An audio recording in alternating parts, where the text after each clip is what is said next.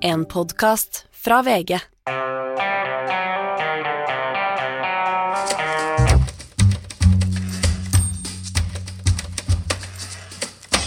Det er lørdag, og det er ny utgave av eh, Mediebobler. Og velkommen skal du være, Gard Steiro.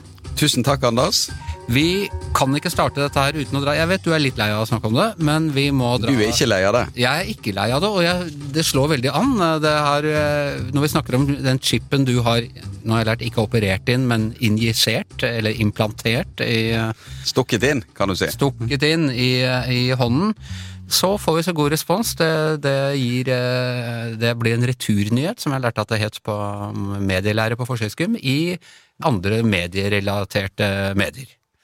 Ja, altså Du har klart å gjøre dette til en stor sak. Det skal du si. Jeg blir jo spurt om denne chipen nå overalt. Jeg var på sentralbanksjefens årsmiddag, og når jeg kom der, så ble jeg spurt om denne chipen, og opptil flere. Ja, Var det mange der som hadde operert inn chip? Nei, det spurte jeg ikke om. Jeg prøvde å vri temaet over på norsk økonomi. som jeg, eh, vi var der prøver å bagatellisere litt. Ja. Så nevnte du jo eh, forrige gang at det var flere andre på huset som også hadde gjort det, men i pakt med god, eh, godt kildevern så ville du ikke si hvem det var.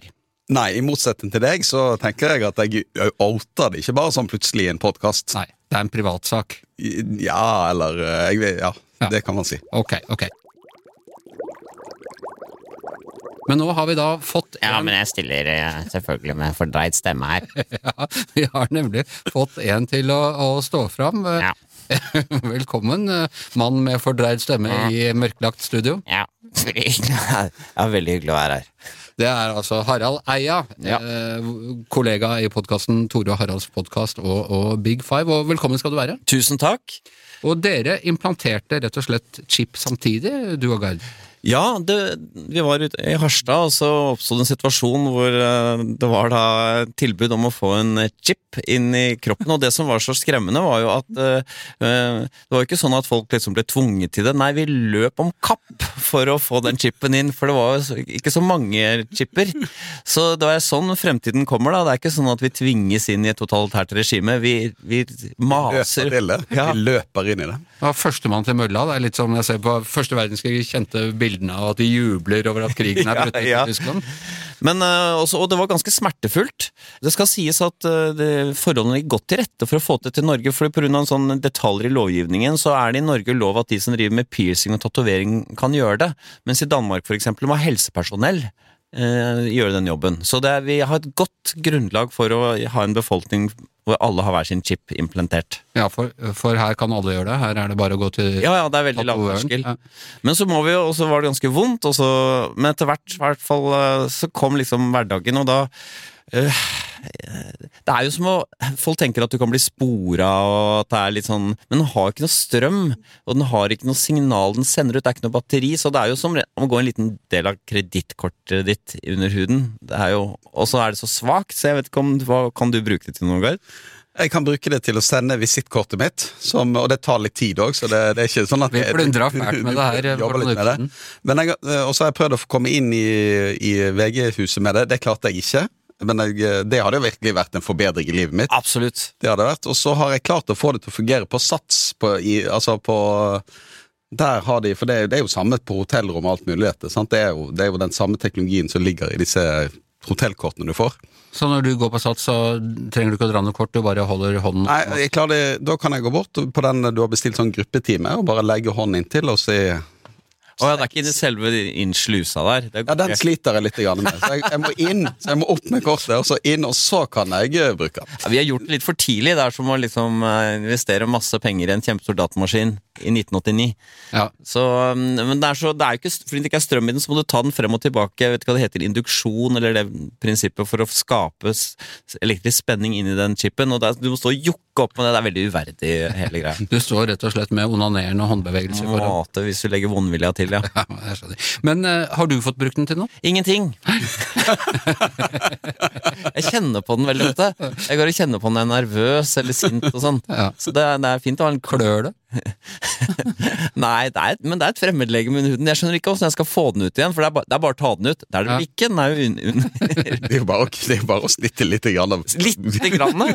Ja, Da må du ha helsevesen. Du kan ikke klemme den ut som en kvise. Nei, og da, da, da slipper den ut cyanid. Så blir det en sånn selvmordsskip, rett og slett. Nei, men eh, spennende. Må gjerne komme her og holde oss oppdatert om du begynner å få til noe, eller om du kjenner at du begynner å få tanker om å utrydde menneskeheten, eller eh, et eller annet sånt. Ja, fordi målet var jo det han sa, han som liksom var den store profeten her, da, som holdt dette foredraget. Han sa at eh, det skal kunne betale regning med det etter hvert, men det er noen juridiske hindringer, selvfølgelig, som står i veien for at vi kan bruke dette her foreløpig, da. Så det var ikke sånn at dere klikka på en sånn lese gjennom sånn 28 skjermsider med greier før dere fikk den? Nei, vi fikk et bitte lite lapp med uh, til nettsiden til dette firmaet som holdt på med dette greiene. Og det, og det så jeg først på etterpå meg innom. Det, det heter dangerousthings.com. Er det sånn? Ja. Det er et underbruk av Huawei. ok. Nei, ja, eh, spennende å se denne Vi skal jo alle bli maskiner eh, etter hvert. Så, så det er gøy at noen, eh, noen går foran. Harald, vi, har invitert deg av en rekke årsaker. Vi snakket om en av dem eh, her også forrige uke, og det er at du har, ja nå har du kanskje gjort det òg, du har vurdert å melde Lørdagsrevyen i selveste NRK, ditt gamle moderhus, til Pressens faglige utvalg for å betale sine kilder. Ja, det var jo I vår podkast så hadde vi Tore Sagen og jeg hadde da en- denne saken. Eller jeg var- oppskjørtet fordi Dagsrevyen betalte da fire artister for å synge og uttale seg om Lillebjørn Nilsen. Og da men jeg må si det, det ser litt ille ut av medieskandale, dette er en skandale at jeg sier sånne ting, men konteksten i denne podkasten er jo at det er jo, det er jo på en måte litt komedie vi holder på med, og sånn, en sånn metode for å lage morsomme ting er på en måte å være litt prinsippfast. Litt stivbeint. Dette En ikke være ja, liksom. på en måte. Det er en god metode når du skal lage komedie, å på en måte være mer idealistisk eh, enn en det som er vanlig. Men forstår, forstår andre medier eh, at dette er komedie? Nei, men det er litt en grense Vi beveger oss litt i grenseland, så jeg skjønner jeg, jeg, jeg, Når jeg får sånne henvendelser fra Medie24, så sier jeg det er, det er sagt med en viss glimt i øyet, så refererer de til det, da. Men når, når du leser det på trykk, den stemmen du på en måte legger på når du leser en overskrift, er dette er en medieskandale, men jeg sier det i podkasten, så er dette er jo medieskandale, Tore. Ikke sant? Du hører at jeg er en slags karakter, så vi opererer i en sånn grenseland hvor jeg kan forstå at man kan tolke det dit hen. Så det er jo det er en risiko vi tar, men uh, det er ikke så alvorlig ment. Og jeg hørte jo din vurdering, Gard, eh, om at dette her ikke kom til å nå fram. Og Tore er veldig opptatt av å vinne, fordi det er en del av en lengre beef, dette her hvor Tore ikke stiller opp for meg når jeg behandles dårlig i mediene. Og, men du har, du har, det har jo ført fram tidligere, dere startet jo en annen sånn, øh, og da var det litt mer øh, innenfor øh, Ja. den prinsipielle, eller altså innenfor det andre journalister også ville vurdere som en tvilsom greie. Ja, da var jo ballen spilt eh, i beina på oss, fordi dette var en artikkel i Dagbladet hvor det var intervjuet noen pressefolk da, som sa dette er en klokkeklar brudd på Vær varsom-plakaten, så da var det bare å sette ballen i mål, egentlig.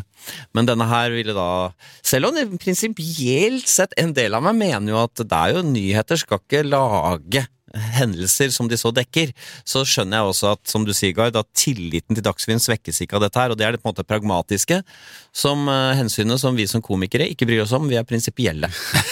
Ja, I motsetning til pressen som bare ja, dette er et litt annet konsept, og da kan vi gjøre hva vi vil, da gjelder det ikke være varsom. Jo, men det er ofte sånn, ikke sant, la oss si du går på en kulturfestival, så, så står det vi skal fremme litteratur som får oss til å uh, bli kvitt fordommene våre og provosere oss, men i virkeligheten så driver de ikke med det.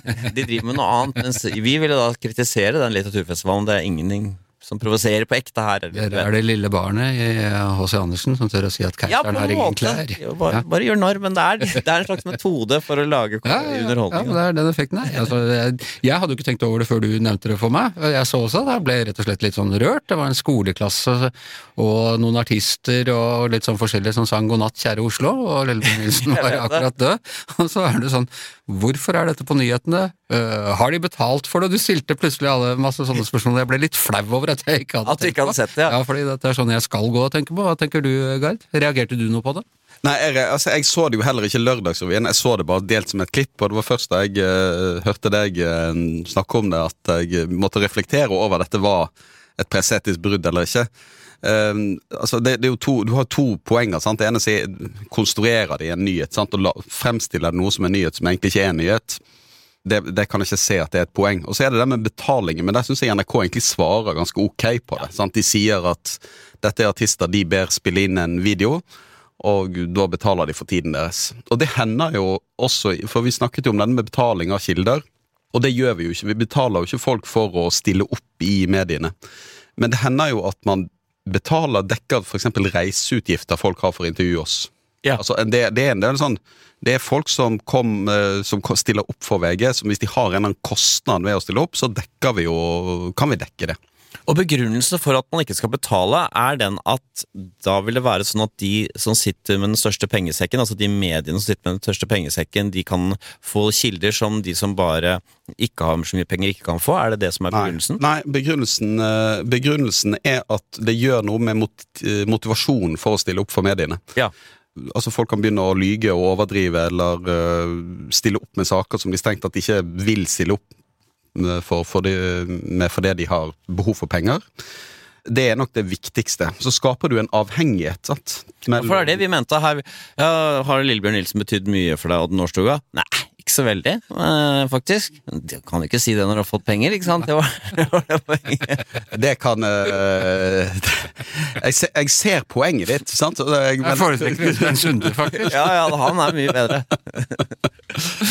men, det, men det, der, det er det som er mm, hovedproblematikken i det. Og dette, altså dette ble jo satt veldig på spissen under, um, da, da Sven, under Sven O. Høiby, da han stilte opp for Mye for Se og Hør. I forbindelse med at uh, kronprins, uh, bryllupet til kronprinsen. Og faren, da faren til Mette-Marit han fortalte jo det ene og det andre og til Se og Hør, og fikk da betalt for det. Mm. Og det var en sak som Han lot til og med, eller de lot som om han var blitt sammen med Cowboy-Laila. Ja, dette ble jo tatt ut helt i det absurde og veldig triste til slutt. Sant, han, eh, men han Du syns det var trist? Jeg var satt og flira. Unnskyld.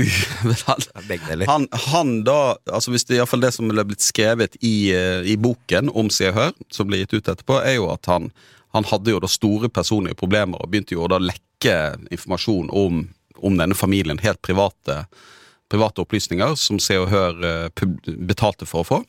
Og det, det, var jo sånn som man drev på en stund på 80- og kanskje litt på 90-tallet, som i dag jeg vil tro de færreste holder på med. Ble det strammet inn etter den saken der? Var det da Det var jo, det var jo regler for det også før det, eh, men det var altså Du husker disse 10 000-tipsene og sånt? sant? Ja, altså, ja, det, var, det, ja. det, er jo vekke. Ja, nettopp! ja, det, fordi, fordi Man betaler jo for en del tips i dag, men denne, disse, det var jo en galopp der. Sant? Og jeg tror disse tipshonorarene de ble misbrukt. Mm. Altså I stedet for at da folk uh, kom med tips om at de hadde hørt et eller annet eller sett eller tatt bilde av noe, så brukte man sånne 10 000 tips og 1000 kroners tips for å betale folk for å stille opp. Nettopp, ja. Og dette er det rydda opp i? Ja, det er iallfall ryddet opp i det i regelverket, og så kan det hende det brytes uten at jeg vet om mm. det. Men uh, vi får jo av og til den type henvendelser i VG, folk som ønsker å ta, få betalt for å stille opp og det sier vi alltid nei til. Og så har vi òg en tendens til å ha sett noen eksempler på at folk har tilbudt oss videomateriale, eksklusivt videomateriale for veldig mye penger. Altså Det blir krevd sånn 100 000 eller noe sånt, og det sier vi nei til. For da er du over i det vi mener er betalingsjournalistikk. Mm. Ja, vi vet jo også, husker dette Resett for et par år siden, som uh, ville betale veldig mye penger for å få uh, en fyr som angivelig hadde hatt uh, et kortvarig forhold til Trine Skei Grande til å Kalle det et forhold jeg vil ta litt tid, men det var jo en sak om, uh, om Trine Skei Grande og uh, i forbindelse med en uh, sak oppe i Trøndelag. Og der var det jo I åkeren? I åkeren, ja. Så var det jo Eller jeg vet ikke om det var åker, men det ble sagt at det var en åker. Men, det er bra at du er så nøye på det. Jeg vet ikke om det var åker eller om det var en eng. Vi skal være nøye på det, men der ble det jo satt ut et tilbud da fra Resett om til denne mannen, jeg husker ikke hvor mye det var, men det var betydelige summer for å få han til å snakke om det som hadde skjedd. Mm. Og der var det jo nærmest en sånn politisk eh, dimensjon ved det. Sant? At man kunne lure på om Resett betalte her for å få skade Trine Skei Grande. Mm, mm. Og da regjeringen som vel satt i på det tidspunktet. Riktig. Ja. Og det sa han uh, mannen nei til, så all ære til han. Vi må snakke om en annen ting som, som dere også gjør i eh, podkasten eh, deres, Harald, og som har eh, spennende hvor stor oppsikt det vekker, for det er på en måte et av de eldste triksene i komikerboka, det er å parodiere statsministeren. Ja. Det har de drevet med på Chat Noir siden Chat Noir åpna, liksom. Ja, det er jo en øh, Men øh, nå er ikke Tore og jeg så gode til å øh, imitere. Det er vår svakhet. Men nå har vi funnet en løsning på det hele.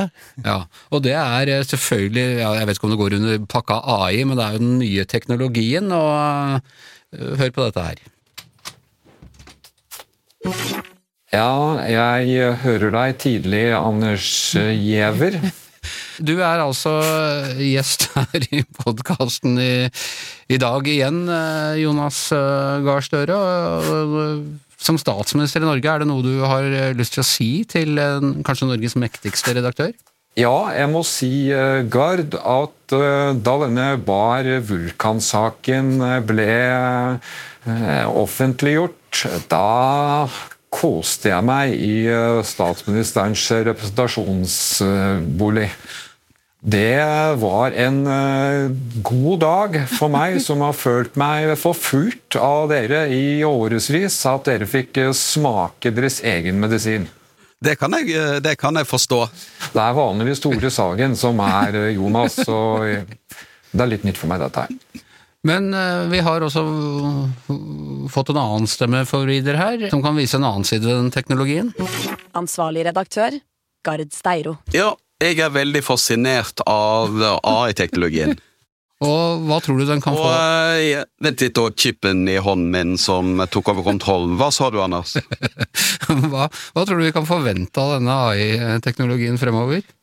Jeg tror at eh, vi i stadig større grad vil oppleve at eh, KI, eller AI som jeg sier, vil ta over produksjonen av eh, nyheter. Det betyr at vi kan si opp enda flere i VG-huset, sånn at profitten vil kunne fordeles oppover i systemet til lederlønninger og bonuser til redaktørene. Ok, eh, Gard, har du noe spørsmål å stille til deg sjøl? Ja, eh, hvordan, eh, hva syns du om VG nå? Hvordan syns du det går med oss?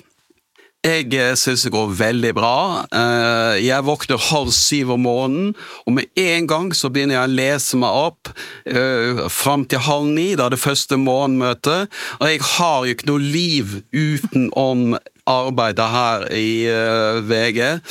Jeg, eh, bor på hybel her i hverdagen. Jeg, jeg er en plage for de ansatte, for jeg har alltid tid til å holde på med arbeid. Jeg plager folk 24-7 fordi jeg aldri tar fri. Ok, da er det sånn at uh, vi har måttet sende Harald ut av studio uh, for, for å gjøre dette her, uh, men da kan du komme inn og delta i mediebobler igjen, Harald slash Gard. Kan jeg komme inn igjen som Harald, eller skal jeg komme igjen som Tore? Eh, Var det Tore Sagen som prata ja, der, rett og slett? Ja, helt utrolig. Veldig bra. Jeg hadde ikke helt Gard-karakteren inne. Jeg hadde, fant et gammelt D2-intervju for å høre. Det, jeg, jeg hørte Ja, hvor det kom fra. Jeg hørte akkurat hvor det kom Jeg fra. hørte at det var research, jeg trodde det kanskje var fra, fra Natt og Dag. Jeg så at, også at du var eh, Ja, det, er jo- det, ja, det er jo det de spør om. Det er jo hybelen og eh, det triste livet mitt som går igjen i disse portrettintervjuene. Altså, jeg må jo snakke for å Jeg kan ikke bare snakke som meg selv når jeg er Gard. Da må jeg prøve å snakke litt, litt bergensk. da, Jeg vet ikke om jeg får det til. Men det, så den AI-teknologien er ikke sånn at du bare kan bare prate helt fritt. Du må på en måte bare legge deg litt opp til. ja. Nei, foreløpig er det ikke det. Men det kommer jo helt uh, sikkert. Det kan godt hende. Altså. Det er jo, så det er, det er jo veldig morsomt. Vi utvikla det her på huset. Det var noen flinke datafolk som gjorde det masse koding og sånn for å koble sammen flere ting. Så det er som å få et sånt Finne et musikkinstrument på bakken, og så vet du ikke hvor du skal blåse, hvor du skal Vi har, vi har kåla ganske mye for å finne hvor ligger det morsomme, på en måte. Eh, Men eh, det har vært veldig gøy. Altså, det er første gang jeg har gjort en sånn teknologisk eh, innovasjon innenfor komedie. Og så tenker jeg at alle nye teknologiske nyvendinger, det er to bransjer som alltid først plukker opp og anvender det. Det er porno og det er komedie. det, er, det er liksom Og så har jeg inntrykk av at på AI er det lagt inn masse sperrer på porno, så skal ikke kunne lage noe porno ut av dette her. Nei, det, det, ja, det er riktig det. Det er jo Så det er jo jeg, jeg, Vi vet ennå ikke hva kan Det er veldig mange som har lyst på å bruke dette, av andre komikere og sånn, så vi foreløpig har vi holdt det liksom litt tett i brystet. Men vi tenkte vi skulle bare dele med alle etter hvert, da, så det blir konkurranse om hvem som kan utnytte dette best. Men så tenker jeg, Gard, kunne vi eh, hvis vi, veldig mye av kommunikasjonen vi har med maktpersoner, går via e-post og tekstmeldinger, så skriver vi sånn, sier Jonas Gahr Støre i en eh, tekstmelding. Kunne vi brukt en sånn stemmegreie hvis vi da skulle hatt det på VGTV eller på eh, Nei, det kunne vi ikke. Da ville vi jo svekket all tillit til, eh, til den dokumentariske verdien som et lydopptak eller et bilde eller et videoopptak har. Eh, Men dette kommer jo til og eh, Dette kommer til å bli ganske vanskelig for oss i mediene framover. Altså Hvis vi får tilsendt et lydopptak, da, som angivelig skal være en samtale mellom statsminister og en annen, hvordan kan vi vite at det er Er det autentisk, eller er, dette, eller er det svindel? Det kommer til å bli vanskelig for oss det er jo framover. fremover. Og så tror jeg det kommer til å bli helt umulig for folk når de er på internett å vite hva som er reelt eller ikke. Og Det vi har sett, det er vel ett eksempel nå som er kjent. det er vel et, Jeg tror det er et selskap i øh, et eller annet asiatisk selskap, der CFO-en ble rundlurt i det selskapet av en sånn der det var noen som brukte en AI-stemme å ringe opp, og fikk han til å overføre en del penger. For han trodde det var sjefen som ringte. Ja. Sånn at det, denne, og du ser, nå, hører du, nå klarer du å høre det litt, grann at dette er feil. Eh, Men det, dette kommer til å bli så mye bedre framover at det blir helt umulig å skille For dette er jo bare, det er jo bare noen uker siden dere starta med, med dette, Harald, og teknolog, teknologiske mulighetene har ikke vært der mer enn et år, eller noe sånt? Nei. Og i- komediemessig nå, eh, så er det jo det at det ligner 97 det er det ideelle.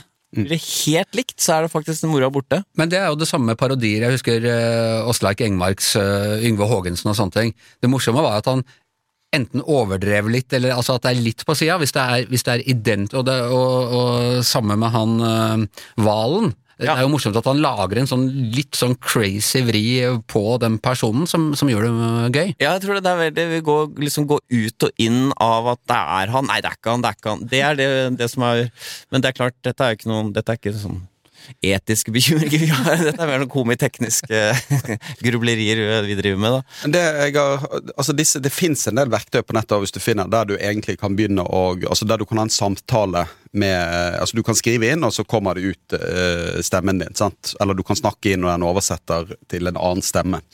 Og Der er det jo fortsatt en liten forsinkelse, så det gjør det vanskelig å ha en type en telefonsamtale med AI, fordi at det er en liten forsinkelse. Men det er iallfall en del av de forumene jeg har vært og diskutert dette, så er det den dagen den forsinkelsen er vekke, da begynner dette å bli livsfarlig. Så den forsinkelsen er, er det du da kan eh, oppdage det på, da. Det er et par sekunder som redder oss. Ja, Foreløpig er det det. Altså, jeg er ganske skremt over den eh, utviklingen, må jeg si. fordi jeg tror det blir et kappløp mellom de som lager disse tjenestene og prøver å gjøre det så virkelighetstro som mulig, og de som skal oppdage at dette er kunstig intelligens. Altså de som skal ha verktøy som skal avsløre at det er kunstig intelligens.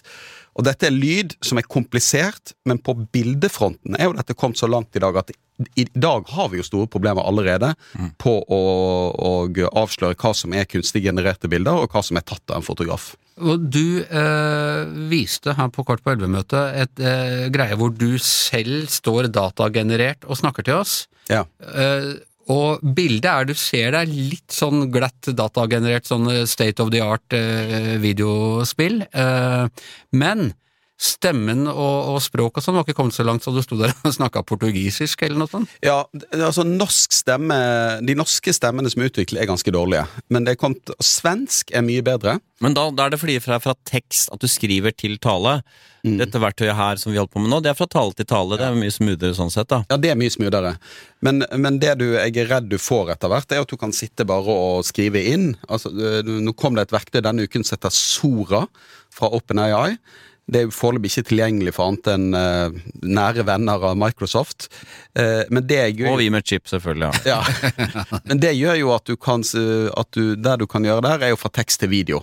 Og så kommer tekst til tale, og så kommer jo sikkert, som dere har utviklet nå, tale til tale, og blir verktøy så du kan Det er en app du laster ned. Herregud, det er spennende. da. Det er Ja. utrolig. Hva er din første tanke med å kunne bruke video til, da? Ja, det er jo helt grenseløst. Jeg kan jo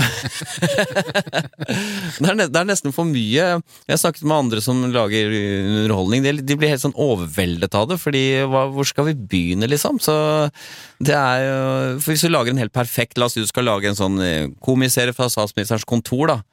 Altså, Hvor absurd kan det bli, og at det likevel er gøy og interessant og sånn? Men en ting jeg lurer på, er det er det en slags regel om at når det kommer ny teknologi, så vil de som misbruker det, alltid være mer kreative og innovative og flinkere enn de som prøver å kontrollere det? At det alltid er sånn at virusskaperne alltid er flinkere enn de virus eh, som skal stoppe virusene, hvis du skjønner? Ja, det er jo Altså, det som skjer, er min erfaring i hvert fall, er at når det kommer ny teknologi, så er det de som misbruker det, ligger litt i front.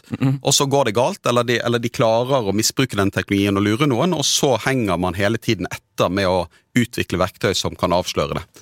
Og det vil jo skje her òg. Altså det, det du snakker stemme til stemme nå, det, når det blir bedre og bedre, så vil jo du kunne ha en app i telefonen som gjør dette. Da kan du ringe opp noen, og så snakker du inn, og så høres det ut som det er Jonas Gahr Støre den på andre enden snakker med. Hvilke, hvem er det som har ansvar for å sette inn det, den avsløringen? da? Er det Apple som skal gjøre det i telefonene? Er det hver enkelt bruker som må lære dette? Må du kjøpe AI-beskyttelse i telefonen din? Altså det, det er veldig vanskelig å se for seg hvordan dette kommer til å endre måten vi forholder oss til informasjon. Og dette er den ekte Gard Serve vi hører her nå? Eller er det Ja, det vet jo ikke folk. ja, for Da må du ha en sånn hemmelig ting som du kunne si, da.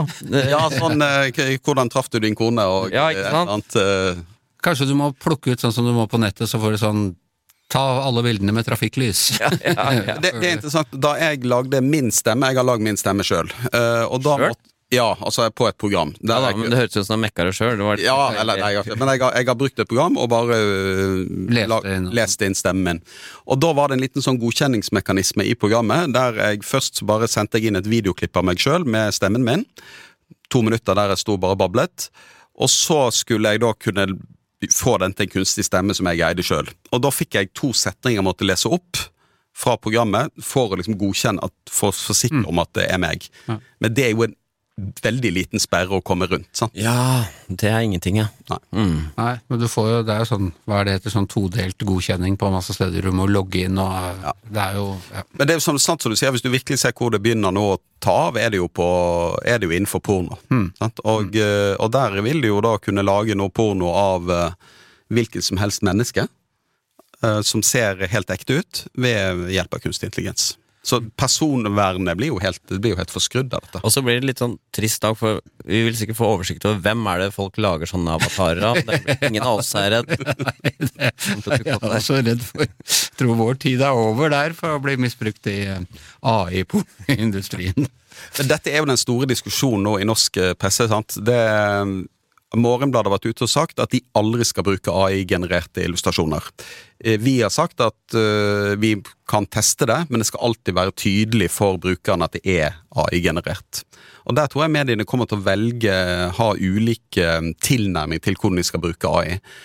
Det jeg tror det, det første som kommer til å skje nå, det er at eh, man må ha en helt annen tilnærming til å kjøpe bilder og videoklipp fra tipsere.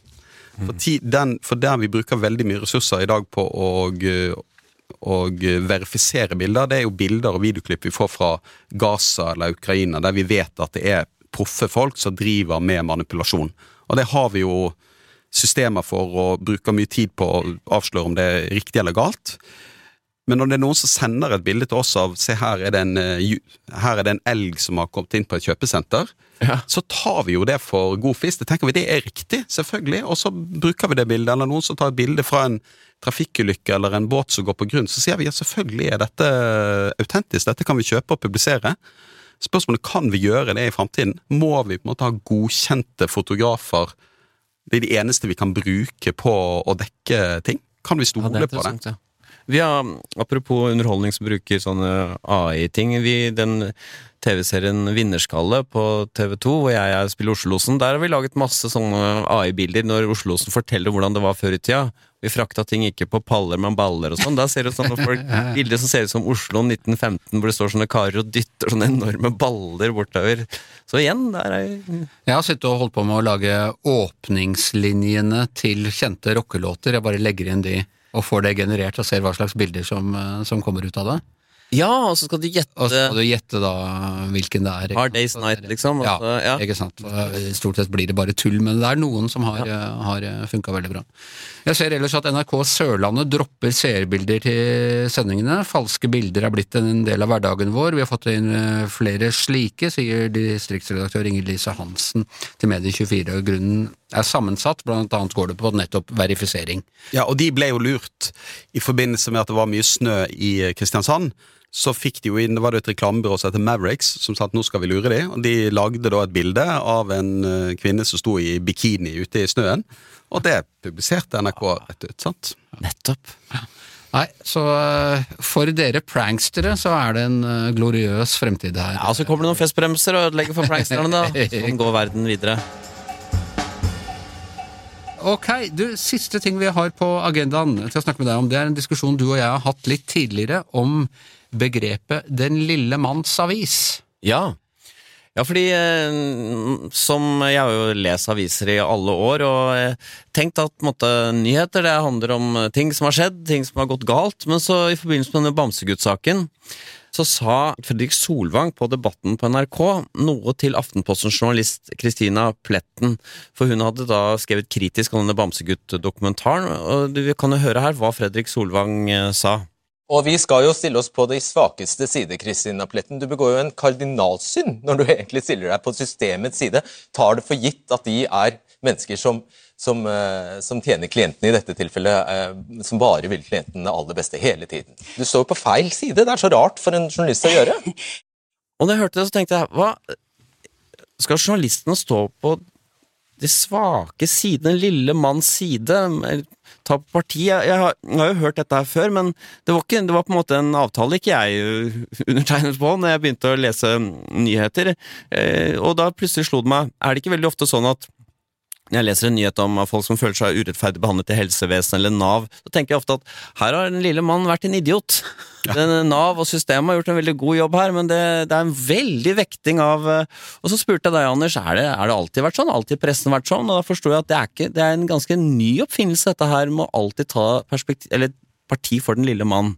Jeg tror det var jeg tror det, altså det har alltid vært noen aviser som har gjort det, men det har vært de minste og fattigste avisene. Og så var de store avisene var drevet av partier og organisasjoner. Og, og, og VGs suksess ligger vel litt på det at det var en sånn avis som begynte å skulle ta den lille manns parti, var uavhengig av uh, politiske blokker og store interesser, i hvert fall før Skipsted kjøpte oss. Eh, Det har vært VG, hele VG sin idé, mener jeg. Det å være folkets avis, eller den lille manns avis, som skal da forsvare det, borgerne mot systemet. Men det ikke bare Selv om systemet ofte har rett, og den borgeren har oppført seg dumt. og... Ja, det, det er jo ideen, sant? Altså at, eller, det, vi, har, vi, vi, vi sier det ikke akkurat sånn, eh, men, dette, men det er ikke bare VG som har hatt denne Altså det som en sånn eh, hva skal jeg si, visjon, det har jo veldig mange tabloider verden over hatt. sant? Det er egentlig det der de kommer fra. Hele tabloidpressen slik den utvikla Ja. seg på 70-tallet, liksom. det, var, det er jo konseptet, sant? at det er noen som har makt, og vi representerer folket, og vi skal løfte deres interesser. Både enkeltmenneskets sak, men òg sårbare grupper eller svake grupper. Og det, dette er selve samfunnsoppdraget. Altså Hvis du ser på Vær varsom-plakaten, så er jo samfunnsoppdraget egentlig definert i det første kapittelet i Vær varsom-plakaten. Og de to punktene som er mest interessante der, det er punkt 1-4, som sier at pressen skal avdekke kritikkverdige forhold i samfunnet. Og det kan jo være så mangt. Og så er det punkt 1-5, som sier at vi skal verne eh, enkeltindivider eller grupper mot eh, overgrep eller forsømmelser fra det kan være myndigheter eller institusjoner eller firmaer. Og der er jo selve liksom, samfunnsoppdraget til mediene definert. Ja, det er definert der, men det har ikke bestandig vært sånn at det var begrunnelsen for å ha en fri presse. Nei, på, på ingen måte. Det handler jo om ytringsfrihet og fri debatt, og, så dette har jo noe som har som har eh, utviklet seg over tid, men blitt viktigere og viktigere, særlig i norsk presse. Og det, det, det, inkluderer også at det man da antar er svake grupper, sjelden får kritiske spørsmål, er mitt inntrykk. Og det kan irritere meg noen ganger når jeg la oss på, se på Dagsrevyen, så er det en under pandemien så var det noen, en mann som klaget over at jeg fikk ikke vært til stede under hele fødselen, bare akkurat når hun fødte og sånn. Og da, jeg som har hatt et, vært et sykt barn, vært på nyfødtintensiven, vet jo at det er gode grunner til at ikke man slapp inn folk der, fordi disse små premature barna de er så sårbare, ikke sant. Men den innvendingen så, den kommer ikke opp. Det er bare at han får lov til å stå i gåseøyne sutre, da, fordi han er svak gruppe, liksom. Ja, og det er den mest interessante debatten etter Bamsegutt, akkurat det du tar opp nå. For der er jo eh, NRK klaget inn på tre punkter av generalsekretæren i Presseforbundet. Og to er alle enige om at her har NRK brutt Varsom-plakaten. Og det handler om at de ikke var åpne om denne dommen. Mm. Og det handler om at de eksponerte den mindreårige sønnen til Bamsegutt. Der er det enighet i norsk presse at dette var et presseetisk brudd. Men så er de òg eh, klaget inn for brudd på det som heter punkt 2.2 i Vær varsom-plakaten. Og den handler om at redaksjonelle medarbeidere og redaktører skal verne om sin uavhengighet, integritet og troverdighet, og man skal unngå dobbeltroller. Og Kritikken her mot Tore Strømøy er at han går inn og blir en form for advokat for Bamsegutt. Ja. At han går inn og blir så engasjert i den saken at han mister på en måte sin journalistiske rolle.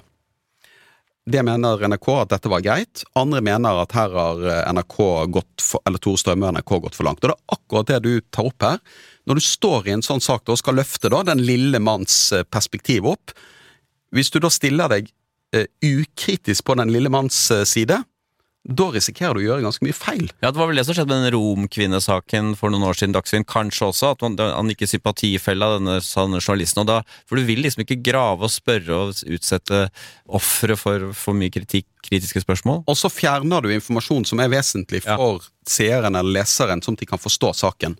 Og denne diskusjonen, dette opplever jeg ganske ofte i, eh, i diskusjoner i VG. Der man jobber med en som har vært utsatt for et overtramp fra det kan være fra justisvesenet eller Nav eller et sykehus. Og så begynner man å grave i den saken, og så dukker det opp veldig mange da forhold ved denne personen som vi skal løfte opp og hjelpe, som ikke taler til den persons fordel. Det kan være at de har gjort som Bamsegutt gjort seg skyldig i noe kriminelt, eller de kan ha det kan, opp, det kan være oppdratt usympatisk, eller at systemet faktisk har ganske gode poenger her. Ja, for Ofte har jo f.eks. Nav de, har jo, de, kan ikke uttale seg om denne konkrete saken. og sånn, så jeg, Når jeg holder foredrag for, for Nav-ansatte, så føler de alltid at vi får jo bare kritikk hele tiden, når sannheten er at uh, de gjør en veldig god jobb i det store og det hele. Det er ikke perfekt, selvfølgelig, men det er akkurat så en slags sånn skjevhet i denne dekningen, iblant i nyhetsdekningen. da. Ja, eh, det har du helt rett i. Altså, Det vi prøver å gjøre i sånne saker, det er jo å når folk kommer til oss med saker, så sier vi at vi kan undersøke denne saken, men det er en forutsetning at du opphever taushetsplikten. Mm. vi gjør det ikke hvis du ikke opphever taushetsplikten. Uh, og så, i noen saker så går det greit, for da kan jo en lege uttale seg, eller Nav uttale seg om saken. Men noen ganger så velger jo da Nav uh, heller ikke å gjøre det, selv om taushetsplikten er opphevet. Og det er jo fordi at de, kanskje de opplever at vi har et denne personen, Vi vil ikke si dette om denne personen, for vi vil beskytte vedkommende. Nettopp. Sånn at du er i en veldig vanskelig situasjon uh, her, og jeg, jeg, har stor forståelse for at folk i Nav og folk i helsevesenet opplever denne journalistikken som ganske vanskelig. Jeg husker jo fra, fra, min tidlige tid som journalist, da hadde vi veldig mye sånne barnevernssaker eh, med foreldre som har blitt eh, midlertidig eller permanent fratatt foreldreretten. Og da var det nettopp sånn at de og deres nærmeste fortalte sin versjon av historien, og så hadde barnevernet eh, taushetsplikt. Og den type saker er det mindre av nå. Ja, og så var asylsakene var jo òg eh, Mange av asylsakene var jo sånn på, for noen tiår siden. sant? Altså Det var en som ble eh, vist ut av Norge, da, og så fortalte mediene at hvor fælt dette var for vedkommende og familien. Og så gikk man ikke skikkelig inn i saken og sa at her har jo vedkommende kanskje gjort noe kriminelt, eller har eh, jukset med identiteten sin. altså Dette forsvant. da. Mm. Det, så er en vanskelig balansegang, men jeg vil fortsatt mene at mediene sin, altså hvis mediene skal oppfylle sin funksjon i samfunnet, så er nettopp det å se hvordan systemet og de med makt behandler enkeltindivider og grupper. Det er liksom det er, det, det er den, kanskje den viktigste delen av oss. For du skal huske at mange av de som tar kontakt med VG i tips, på tipstelefonen vår, eller sender mail til oss, det er jo gjerne mennesker som har prøvd å klage til Nav. De har, de har, stoppet opp, eller de klarer ikke å nå fram med de vanlige ordningene. Gjennom, eh, enten med, De har ikke råd til advokat, eller de, de, de når bare ikke fram. Og siste utvei er da å kontakte mediene. Og mange av de viktigste sakene i, i norsk journalistikk har jo kommet opp akkurat på den måten. Men så er det òg eksempler på at mediene da ikke gjør en god nok jobb med at man ikke viser hele bildet. At man tar vekk noe fra historien for å få den til å passe inn i den eh, offer- og skurkerollen, da, der, der, systemet er skurken og denne personen er offeret. Ja, fordi Bekymringen de jeg snakker med fra det norske statlige establishment, er jo at uh, alle disse det er litt sånn urettferdig kritiske artiklene undergraver tilliten til systemet, og det er en slags sånn Robert Murdoch-populisme, ikke sant, som man, man, alltid mistror staten, at uh, Trump er liksom i andre enden av dette systemet, er slemt, den lille mannen har alltid rett-greiene. Uh, jeg vet ikke om det er noe i den bekymringen, men det er ofte det er interessant at de har de tankene. Ja. Øh, altså, jeg, jeg, jeg, jeg syns ikke det er tatt så langt. for Det, det som slår meg òg, er at selv når det har vært veldig store kriser, øh, eller skandaler i en del offentlige institusjoner, og alle de politikersakene vi har stått i nå, så er det jo ikke sånn at det svekker tilliten sånn fundamentalt til systemet. Nei. Nei. politikere snakker nå om at det mediene holder på med, det svekker tilliten ja. til politikerne. Vel, gjør det det? Nei, det er godt poeng. Det, det, det er så usikker på om faktisk det er, det er ubehagelig for de. De opplever det på, individ, på individnivå, at de får slengbemerkninger og sånt. Men hvis du ser tilliten til norske politikere, så er den ganske robust. Mm.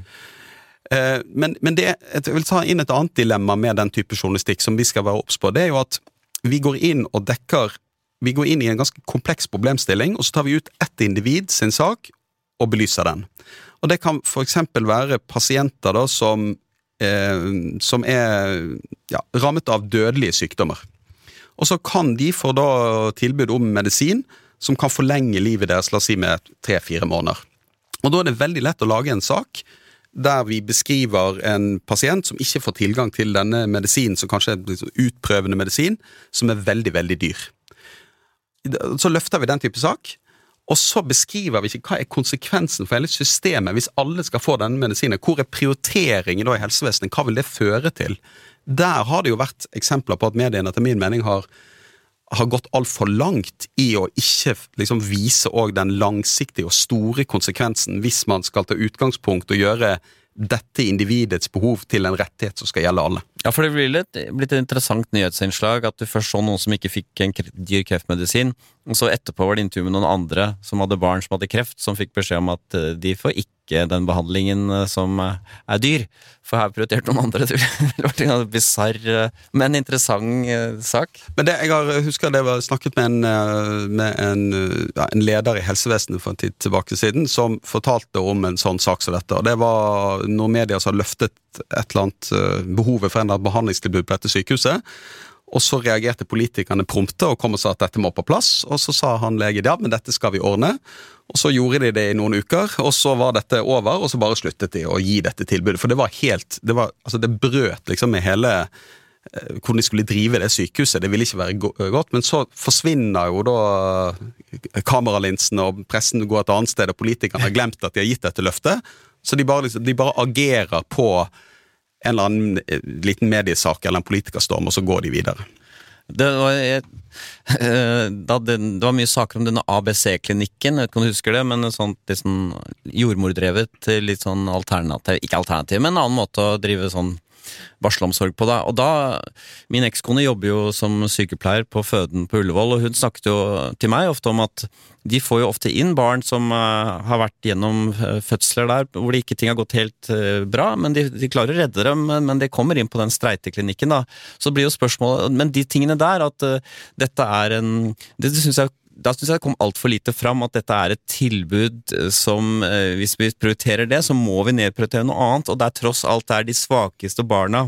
Det er de som trenger hjelp. Mm. Igjen er jeg litt preget av at vi har hatt et sykt barn, og jeg ser hvor disse ressursene går. De går jo til nyfødtintensiven. Ja vel, så blir du kanskje liggende aleine i en seng etter å ha født og gråte litt, da, men et, på et annet rom ved siden av så er det noen som holder på å dø, liksom. Så det synes jeg da, da synes jeg på en måte at man ikke gjorde det. Det kom nok fram noen steder, men da følte jeg ikke at samfunnsoppdraget ble helt oppfylt, da, nettopp fordi man skulle ta parti for disse kvinnene som så gjerne skulle hatt dette ABC-tilbudet. da. Og det er jo det viktigste altså det et, Jeg tror dette er det sterkeste argumentet for mediemangfold i Norge. Fordi at når en redaksjon velger å ta det perspektivet inn i en sak, så er det utrolig viktig at du har en andre redaksjoner da, som kan løfte det andre perspektivet. Ja, ja. Det tror jeg eh, Men der har vi jo Men no- jager vi jo i flokk, da. Jo, men det er jo, det er jo eh, poenget at, at i den type undersøkende saker nå så Hvis NRK nå har laget en stor, eh, et stort undersøkende prosjekt da, der de har masse dokumentasjon, og det er flott presentert, de har jobbet i fire måneder med denne saken, så er det vanskelig for andre medier å kaste seg på den saken og bringe de alternative eh, synspunktene inn. Det er, da har snøballen blitt så stor og ruller så fort at det er vanskelig for andre å, å gå inn i det. Og da kan du jo ende i den situasjonen som du Jeg, jeg mener vi er langt fra amerikanske Ja, ja. tilstander i Norge, men jeg mener du kan havne i den situasjonen at du opplever dem sånn parallelle virkeligheter. Og, eh, og der jeg har vært opptatt av dette, er jo innenfor, spesielt innenfor helse og innenfor justis. Sant? Der har du Innenfor helse og denne debatten om hvilket helsevesen skal du ha framover, da er det utrolig lett å lage den type journalistikk om, eh, om noen som mister lokalsykehuset sitt. Det er den enkleste form for journalistikk du kan lage, og det er legitimt. Du skal lage det, og det må løftes opp i debatten. Men hvordan klarer vi å, øh, å, å liksom synliggjøre for brukerne hva vil bli konsekvensen hvis du skal opprettholde sykehusstrukturen som i dag? Hva blir konsekvensen hvis du skal opprettholde politistasjoner eller lensmannskontor over hele landet? Hva, hva med kriminalitetsutviklingen der det virkelig brenner i øh, Ja, som er i Oslo? Ja. Sant? Det, er, det, er jo, det er jo en prioriteringsdiskusjon Ja. som vi er ganske uvant med å ha i Norge, for vi har alltid hatt så fordømt mye penger. Sant? Generelt, eh, Harald. Karakter til norsk presse. Terningkast til norsk presse. Nei, jeg, jeg syns eh, det er en sterk femmer, jeg. ja, du syns det? Ja, for jeg liker det bare for å være høflig nå? Nei, jeg, jeg syns det. Det er jo Hver gang det er en eller annen sånn Det er liksom Gard beskriver en eller annen sak, så tenker jeg hva med den siden av saken? I hvert fall i tilfellene hvor jeg kan litt om det. Så tar det et par dager, og så er det en eller annen jævel som har tenkt på det andre perspektivet òg, da. Men eh, da må du liksom Du må fordele lesevanen din på litt flere eh, mediehus. Alt i alt så blir det fair and balanced, akkurat som Fox News. Jeg syns det. Jeg syns det. Ja, men Det er hyggelig å høre. Tusen hjertelig takk eh, for at du ville komme. Veldig gøy å snakke med deg om alle disse tingene. Bare hyggelig. Da går jeg tilbake til min anonyme tilværelse igjen. Som chip-implementert. Gjør det, og la chipen styre resten av dagen for deg. Eh, Da er Mediebobler over for i dag. Tusen takk til Harald Eia og Gaud Steiro. Jeg heter Anders Giæver, og Simon Lynhaug var produsent i Magne Antonsens fravær.